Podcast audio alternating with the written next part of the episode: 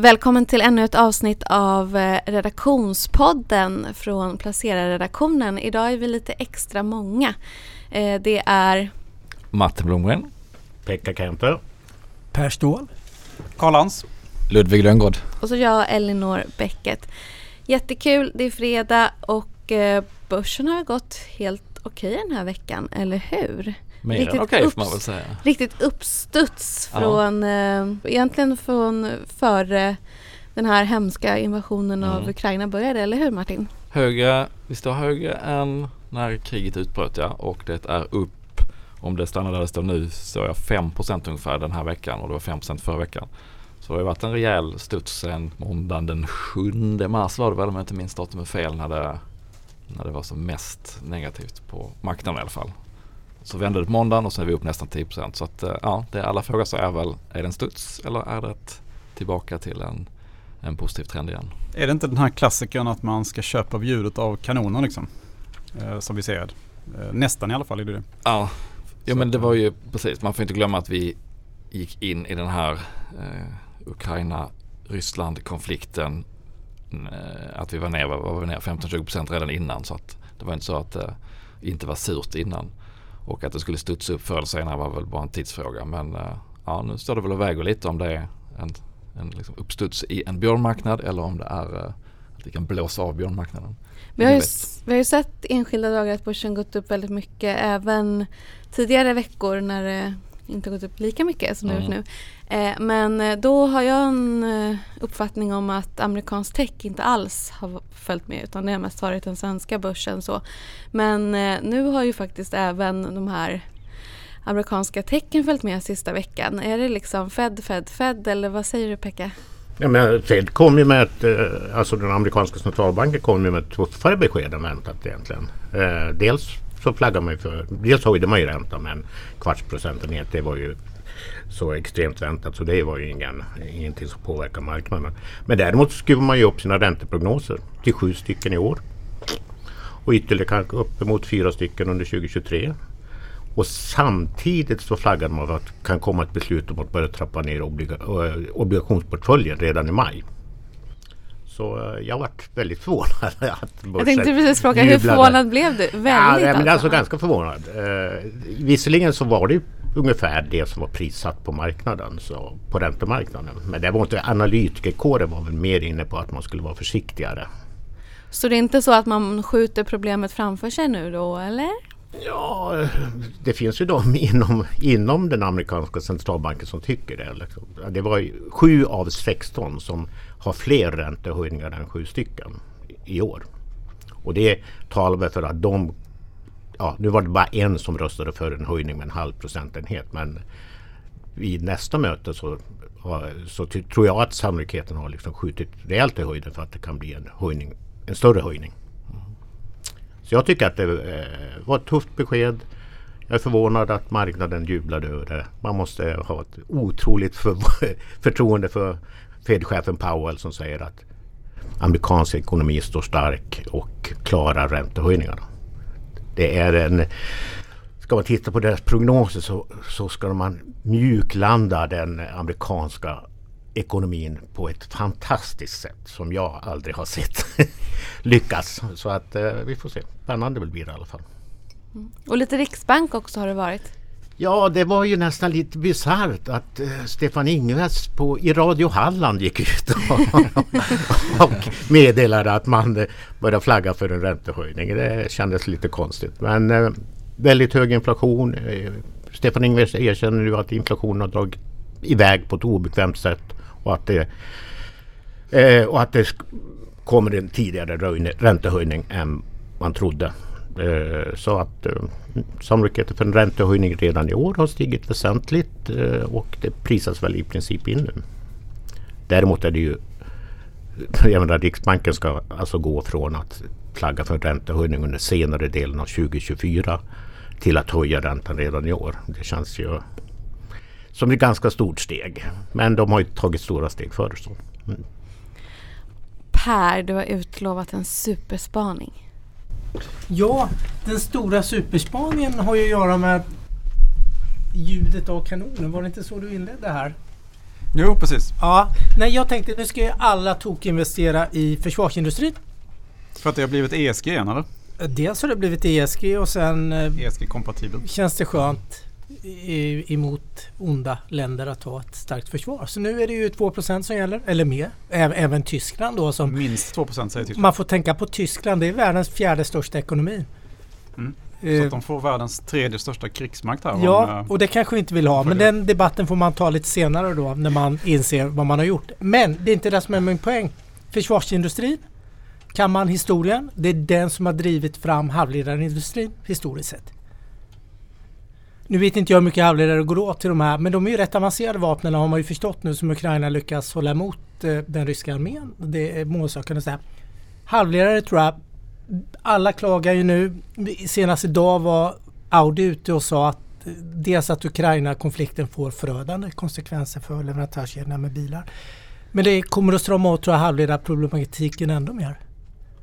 Så det är en, en, en, en, en liten spaning som jag tror eh, Fortsatt brist eller ännu mer brist? Ja, jag tror att det kommer bli betydligt mer Mm. brist om det nu ska tillverkas betydligt fler avancerade vapen. På, alla ska skala upp nu väldigt, väldigt snabbt.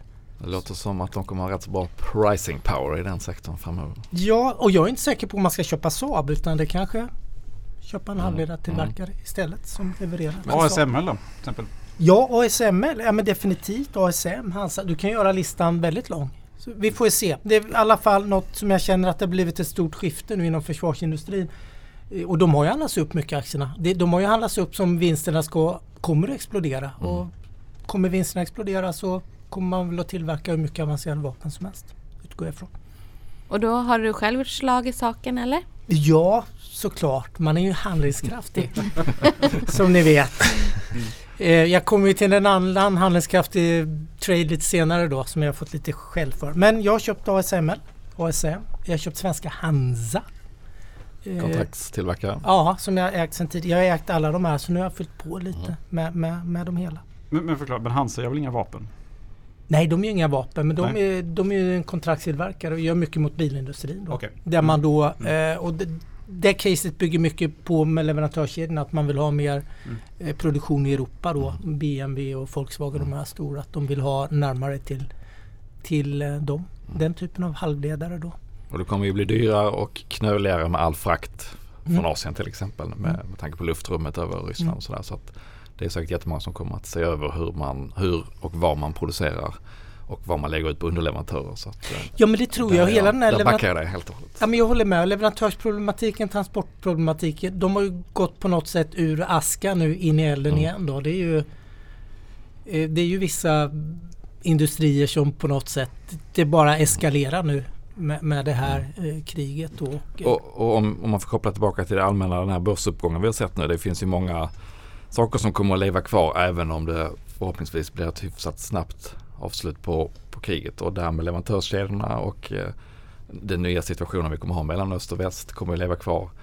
Inflationstrycket, höga priser som ska föras ut till eh, konsumenten som samtidigt har höga, höga räntor eh, att hantera eller hö, stigande räntor. Så att även om vi skulle få ett snabbt slut på kriget så får man inte glömma att det finns ju rätt många underliggande saker som kommer pressa som kan pressa efterfrågan framåt. Så att nej, det jag, blir jag håller väldigt intressant att se hur det Mm. spelar ut om vi förhoppningsvis då får ett snabbt avslut. Och bara för att gå tillbaka till Pekka sa, vi kan få se räntehöjningar hos Riksbanken. Hur, det kommer väl att slå jättemycket kan jag tänka mig på eh, räntekostnaderna som idag är väldigt små. Idag har vi ju större elkostnader än ränteutgifter. Och det är kanske är dyrare att tanka bilen än- än att betala räntan på, på, på fastigheten. Man, Men- får, man får bo i bilen. Ja, man får bo i bilen. Nej, men jag tänker om nu räntorna ska upp i Sverige. Kan man förvänta sig fördubblade räntekostnader eller betydligt dyrare i alla fall? Ja, dyrare kommer det ju definitivt att bli. Men eh, det kommer ju att ta tid för Riksbanken att få upp räntan i, i någon större utsträckning. Så att, eh, men vi, våra marknadsräntor kommer ju dras med av att räntorna i USA går upp. Alltså om vi tänker på lite längre tidshorisonter. Så det, det är väl där vi kommer att få liksom den största kostnadsökningen. Eh, så det blir ju dyrare, givetvis dyrare för hushållen men det blir också dyrare för företagen att finansiera sig. Och det här ser vi ju redan i USA till exempel att, att eh, både eh, själva räntorna har stigit men även, så, även liksom spreaden på företagsobligationer har gått upp. Så det är nästan dubbelt så dyrt för ett lågvärder eller lågratat amerikanskt företag att finansiera sig idag än det bara var för ett halvår sedan. Men är inte det här bra då att räntorna stiger? Så att vi blir av med lite sådana här zombieföretag och sånt där. För det har varit väldigt svårt för företag att hitta bra personal nu. Och de har liksom bundit upp bra personal i de här zombieföretagen som kanske egentligen inte borde överleva. Ja, det är väl en förhoppning man kan ha. Eh, men eh, ja, jag tror inte att vi ska hoppas för mycket på den, liksom, det skiftet. Eh, det kanske är lite för radikalt. Ja, i alla fall. Det är en process som tar liksom mycket längre tid än man tror. Liksom, man hoppar inte direkt från liksom, från ett ja, zombieföretag kommer hålla ut längre än man tror. Livskraftiga zombies. Ja, precis. Värsta sorten. Men det är ju en smäll också. Eftersom man har ju dessutom blivit av med de här stöden som man har haft under, under pandemin. Ja, men jag tycker det är en bra poäng. Om man, inte, om man som företag inte klarar av nollräntor eller lite över då som man kan låna då kanske man behöver se över sin affärsmodell om man inte ens kan tjäna pengar i den här miljön. Hur ska man då klara sig om vi nu får en normalisering? Så mm. Det är väl ett sundhetstecken. Om man kan skaka ut några. Men Per, din spaning. Upprustning i världen. Då är det kanske halvledarbolagen man ska gå till och inte de själva liksom försvarsbolagen. Och då är det framförallt de som i Europa, i den här delen av världen. Jag tänkte på Taiwan Semiconductors, det är väl otroligt stora. Många kanske tänker så här, ja men de då? Som lyssnar. Ja, de är säkert, jag blev ju skotträdd får jag väl säga. Jag sålde av dem när det här började. För dagen efter var USA i Taiwan med en jättestor delegation. Um, nu backar vi några veckor då när kriget bröt ut för att markera mot främst då Kina att uh, få inga idéer ifrån den här invasionen nu. Uh, så då blev jag lite skotträdd och sålde Taiwan Semiconductor. Jag tänkte, men jag tror att den har varit flat sedan dess. Så det, det är inget så. Men det går ju att handla där. Det finns massor. Texas Instrument gör det lite enklare också. Det finns säkert efterfrågan för den typen av halvledare också. Så det finns ju ett spektrum om man vill leta tror jag. Mm. Så det är nog leta på. Leta på. Ambarella till exempel, eh, amerikansk eh, som tillverkar halvledare till drönare och sånt där. De är säkert jätte, jätteintressanta liksom för mm. försvarsindustrin också. Mm. En annan bransch som i alla fall en av oss har kikat lite närmare på det är restaurangbranschen då. Det är framförallt den amerikanska om jag har förstått rätt eller? Ja precis, jag har kollat på USA, ja, USA eh, aktier eh, som heter Toast och Olo som hjälper till att effektivisera restaurangbranschen. Eh, och eh, man kan ju börja med att säga så här att restaurangbranschen är otroligt tufft att få lönsamhet i. Eh, hela en, en av tre företag som startar restaurang konkar efter ett år. Så det behövs liksom effektiviseras här. Eh, så då har jag börjat med att kolla på Toast då som är, de säljer liksom allting till restaurangen. Så här kassaapparater, betalningslösningar, eh, kass, ja allt möjligt då. Så de har ett, he, en hel, ett helt ekosystem kan man säga. Eh, I USA då, så de har ungefär 23 olika produkter. Eh, och vilket gör då inlåsningseffekten ganska hög. Eh, dock konkurrerar de ju med Block då, gamla Square som också har kassaapparater. Eh, vilket kanske är lite oroande då. Men Toast ska tydligen ha lite mer premiumvarianter. Eh, men problemet med detta bolaget är att de inte är lönsamma. Vilket också syns i aktiekursen. Den har ju liksom rasat helt och hållet, kollapsat. De kom ut här i en IPO i jag vet, förra året på väldigt höga multiplar. Eh, men nu har de här multiplarna kommit ner så ja, det börjar bli, se klart mer intressant ut men man vill gärna se lite lönsamhet här. Är det en eh, corona återöppningsvinnare? Jag tänker restauranger i USA, de stängde väl många här mm. under pandemin? Jo absolut, absolut. De växte 102 procent year on year nu. Så mm. lite förvärv och sånt också. Och vad blev domen då? Jag väntar nog lite med detta tror jag. Men om man ser svarta siffror på sista raden då är det nog lite lägre tror jag. Då kan det nog bli bra. Eh, sen har, man, har jag också kollat på Olo då som är, det är helt mjukvarubolag då, B2B. Eh, och de gör liksom, man kan förklara det som att om till exempel en restaurang ändrar sin meny eh, med priser och rätter så behöver detta uppdateras i samtliga matleveransföretag eh, då, plattformar, typ som Uber Eats och de här. Då har Olo den här mjukvaran då som gör detta. Vilket är en väldigt liten nisch och de har monopol här. Eh, så det är väldigt intressant tycker jag. Dock är det samma problematik här att de inte är lönsamma. Men det är också klart intressant case liksom. Om det nu blir några svarta siffror någon gång. Eh, så det är väl det egentligen man får vänta på lite, mm. tror jag. Martin, vad har du gjort i veckan? Vad har jag gjort i veckan? Jag har tittat på lite, eh, en öppna upp-vinnare som heter Tivoli. Som är ju den stora nöjesparken i Danmark. Eh, som har haft två naturligtvis eh, svintuffa år då när folk inte har fått eh, resa och Danmark var rätt tuffa med restriktioner också. Eh, det som är lite intressant och tyvärr då får man säga att aktiekursen har inte följt med ner i den här berg utan den har stått sig rätt så bra faktiskt. Står högre än vad det gjorde innan pandemin bröt ut. Så att jag gjorde ett försök att äh, göra liksom en grov kalkyl på ett normalår. Man säger det här året blir nog också tufft men 2023 borde bli normalt och då har de ändå ett P-tal på 50. Så att det är nog så att många danskar köper den här aktien av med andra skäl än bara finansiella utan dels att de gillar bolaget och dels att man kan få en eh, sån här aktieägarpass som man får gå in gratis på Tivoli om man äger minst 100 aktier. Så att eh, rådet blir där att eh, gå dit och utnyttja karusellerna istället för att köpa aktien. Det är lite som Danmarks Skistar liksom. ja, det kan man säga. De har, Eh, innan pandemin hade de 4,5 miljon besökare varje år i ett land som har 6 miljoner. Och en tredjedel ungefär utlandsbesökare då. Men det säger ju lite grann om vilken status och vilken eh, dragningskraft den här stället har. Så att, eh, ett spännande bolag och eh, välskött men eh, dyr och därför så tycker jag man inte ska hoppa på den aktien. Vad kostar 100 aktier? Om man nu ska åka till Köpenhamn och gå på tivoli. Ja varje aktie kostar ungefär 800 danskar så då är vi oj, uppe i en tusenlapp typ. Så du måste in med, vad blir det? Ja, nästan 100 000. 100 000. Många tivolibesök då. Direktavkastningen i form av inträdet på, är väl sådär. Om du inte flytt, flyttar till Köpenhamn och går in varje dag då kanske du kan räkna hem det. Efter ett tag. ja. Eh, danska aktier. Då snackar vi rätt hög källskatt. Nu kör jag en liten enkät här som jag gör ibland. Hur förvarar ni era utländska aktier? Kapitalförsäkring såklart. Ja, jag har inte gjort det men jag borde göra det. Jag vet. du kanske inte har någon utdelning på dina, du kanske bara Nej, har sådana här förhoppningsbolag och tillväxtaktier. Skulle behöva lite förlustavdrag istället.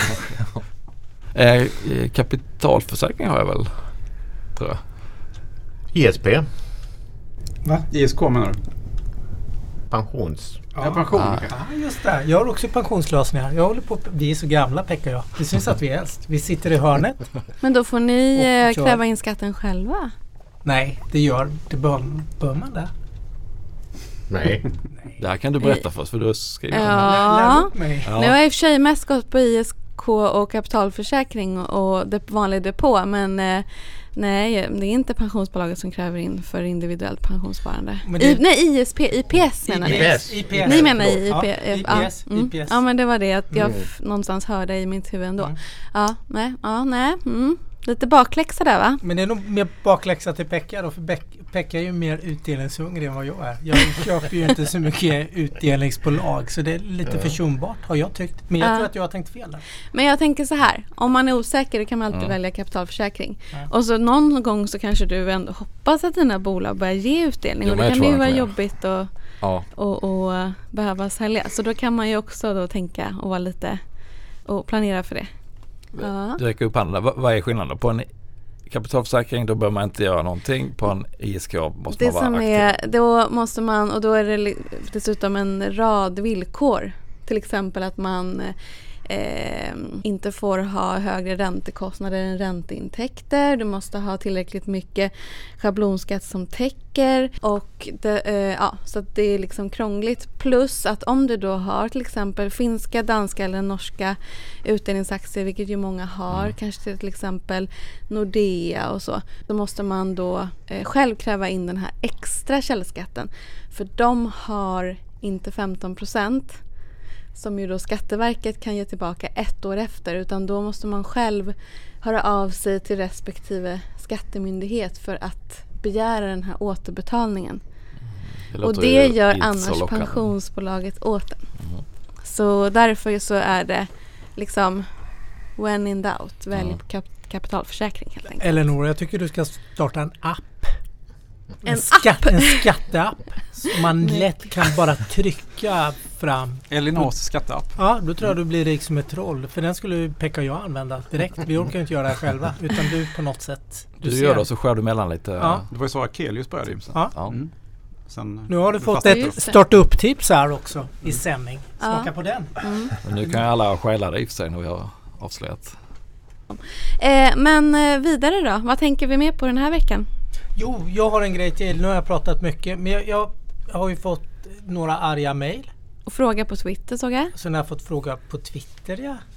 Det är dina ryska Ja, bottenfiskar. jag hade ju ryska bottenfisken. Ja, i Ryssland nu ifrågasätter folk det såklart. Det var ju bara i princip Pentagon som trodde att det skulle bli en invasion och alla andra från Goldman Sachs strateger hela vägen ner då sa att det är helt omöjligt. Och så blev det en invasion och, och Putin verkar ju helt galen. Men nu har jag fått massor med arga mejl hur man kan investera allt från skitländer, säger de. Och då menar de typ i princip Kina, Ryssland, eh, Saudiarabien och så vidare då. Om det är moraliskt riktigt och sådär. Eh, Men jag tänkte jag tar upp den här istället då. För jag, jag, hur ska man förhålla sig till det där? Antingen ser man att det är bara en rutten elit i landet som styr. Det, det är ju bara promille av befolkningen då. Ska man straffa hela befolkningen? Lite som McDonalds gör nu när de går ut ifrån Ryssland. Det är ju knappast någon oligark som käkar på McDonalds. Så jag tror inte de är jätteledsna att McDonalds försvinner. Nej. Eh, utan det är kanske mer vanliga arbetare, byggarbetare och så vidare som kanske inte ens röstar på Putin men har inget val för de kanske inte ens har ett pass. Liksom. Det är inte bara att dra liksom, till Tyskland och bli byggarbetare om man är, nu råkar vara född i kanske utanför Moskva exempelvis. Då.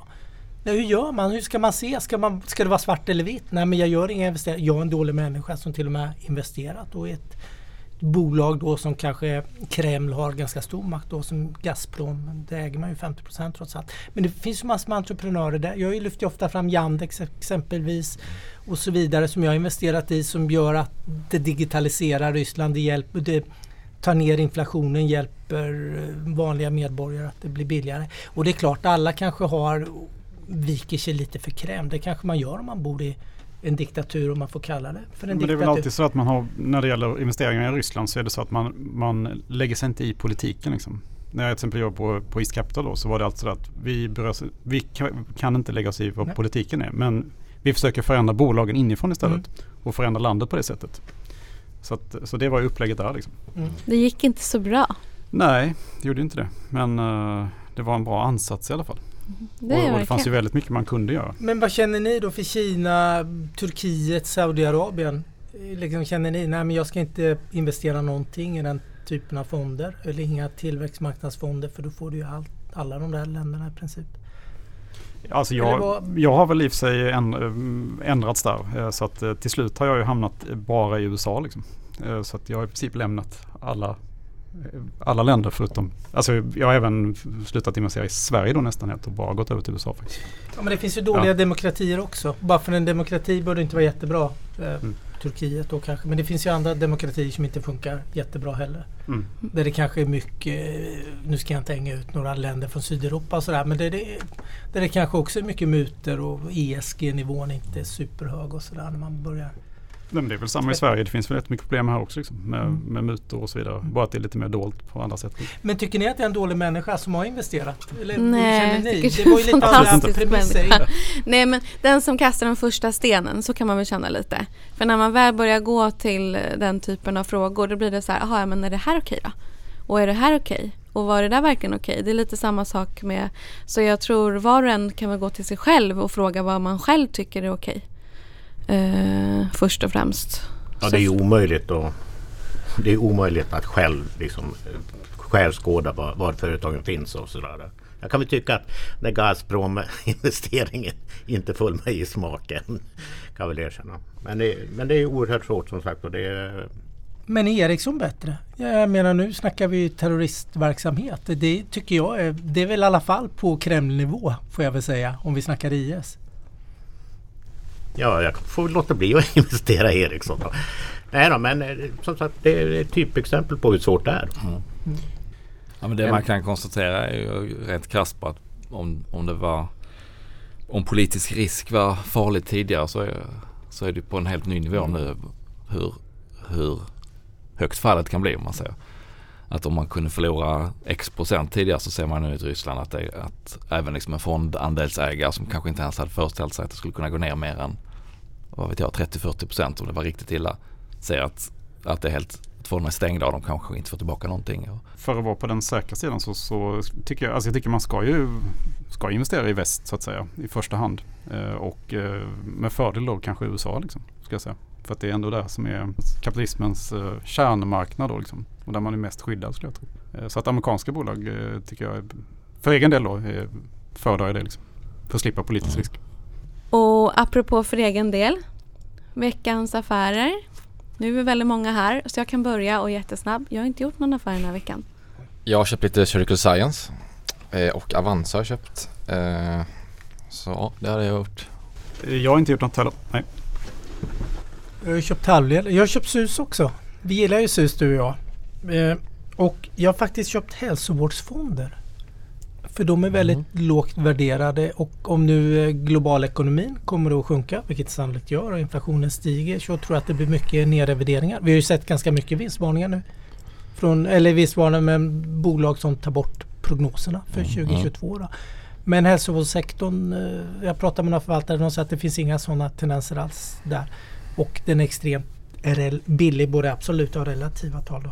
Sen har jag köpt grön omställning, en lite mer, ska man säga, den är inte sådär, den är lätt att se på något sätt Mm. men jag vet inte om den blir sådär superbra. Men det, En fond eller? ja, jag har Mm. köpt en ETF där. Får vi se. Ja, EU vill ju nu i alla fall, nu är i alla fall opinionen nu och frigöra sig från det ryska energioket då. Så det kräver ju extremt mycket. Och sen har du vanliga omställningen i sig då. Mm. Och mer halvledare krävs även här såklart. Ja, jag har tagit ett djupt andetag. Eh, eh, Jag har väl fått eh, samma känsla nu som jag fick när börsen studsade upp väldigt mycket i december. Efter att amerikanska centralbanken också liksom flaggade, började flagga för räntehöjningar och strama åt på alla håll och kanter och börsen tokrusade efter det. Jag tycker det här är en väldigt överraskande börsuppgång. Så jag har dragit ner över hela linjen. Eh, Jag har inte sålt allting, in- inte i något av mina företag. Men eh, jag har en kassa nu som är väl på 30 procent ungefär. Och eh, jag vill se vad som händer med konjunkturen. Högre räntor, hög inflation. Vi börjar se eh, hushåll som eh, blir försiktigare. Både i Sverige och USA. Eh, och en potentiell recession i Europa. Eller ja, i Europa. Under kvartal två här. Och tre kanske. Jag vill se konjunktursiffror innan jag börjar tro att det här ska liksom lyfta. Jag ser det här som en mycket som en, någon sorts FOMO-rörelse. Att, eh, det, det har blivit en självuppfyllande. Alltså folk har hängt på den här uppgången. Jag tycker det är jättekonstigt att svenska börsen kan vara upp 3,5 procent sen uppgången, sen krigsutbrottet. Men är det inte fortfarande TINA som gäller då? Ja, det är TINA och FOMO alltså. Det finns ju inga alternativ. Eh, och jag tror att man kan... Eh, jag får väl börja söka mig till nya aktier och hälsovård kanske och sådär. Eh, dock tittar jag på branscher, som, hur har det gått med olika branscher. Hälsovård är väl en av dem som har gått riktigt dåligt. Va? Eller inte gått riktigt eh, lika bra som andra. Det talar väl för ditt resonemang? Ja, nej, men alltså jag, jag ser så här att eh, jag, har, jag tror att jag kommer få goda chanser att köpa tillbaka mina aktier om jag skulle välja samma företag igen. Men till ett lägre pris. Mm. Ja, Martin? jag eh, känner att jag resonerar lite som Pekka här i veckan. Att den här uppgången har gått väldigt snabbt och det trots att det lever kvar väldigt mycket av de här eh, riskerna som kommer vara kvar även om kriget skulle ta slut snabbt. Så att jag har också dragit ner lite och sålt lite, inte över hela linjen men, men i en del bolag har minskat lite i Dometic, Nilongruppen, Abcellera och Björn Borg. Och sen så sålde jag helt och hållet Ratos, Reilos och BHG. Så att jag är nog uppe, inte riktigt på din kassanivå men 20% kassa kanske. Plus lite, lite spackar då som, som vi står stilla i princip. Eh, Så att eh, jag tänker också lite grann att skulle, det, skulle jag få fel så kan jag väl, får jag väl köpa tillbaka och eh, får jag rätt så kan jag köpa tillbaka dem billigare. Mm. Betyder det att vi tar helg? Ja, det tycker jag. Yes. Absolut. Yes. Yes. Tack för att ni har lyssnat och trevlig helg! Trevlig helg. Trevlig helg.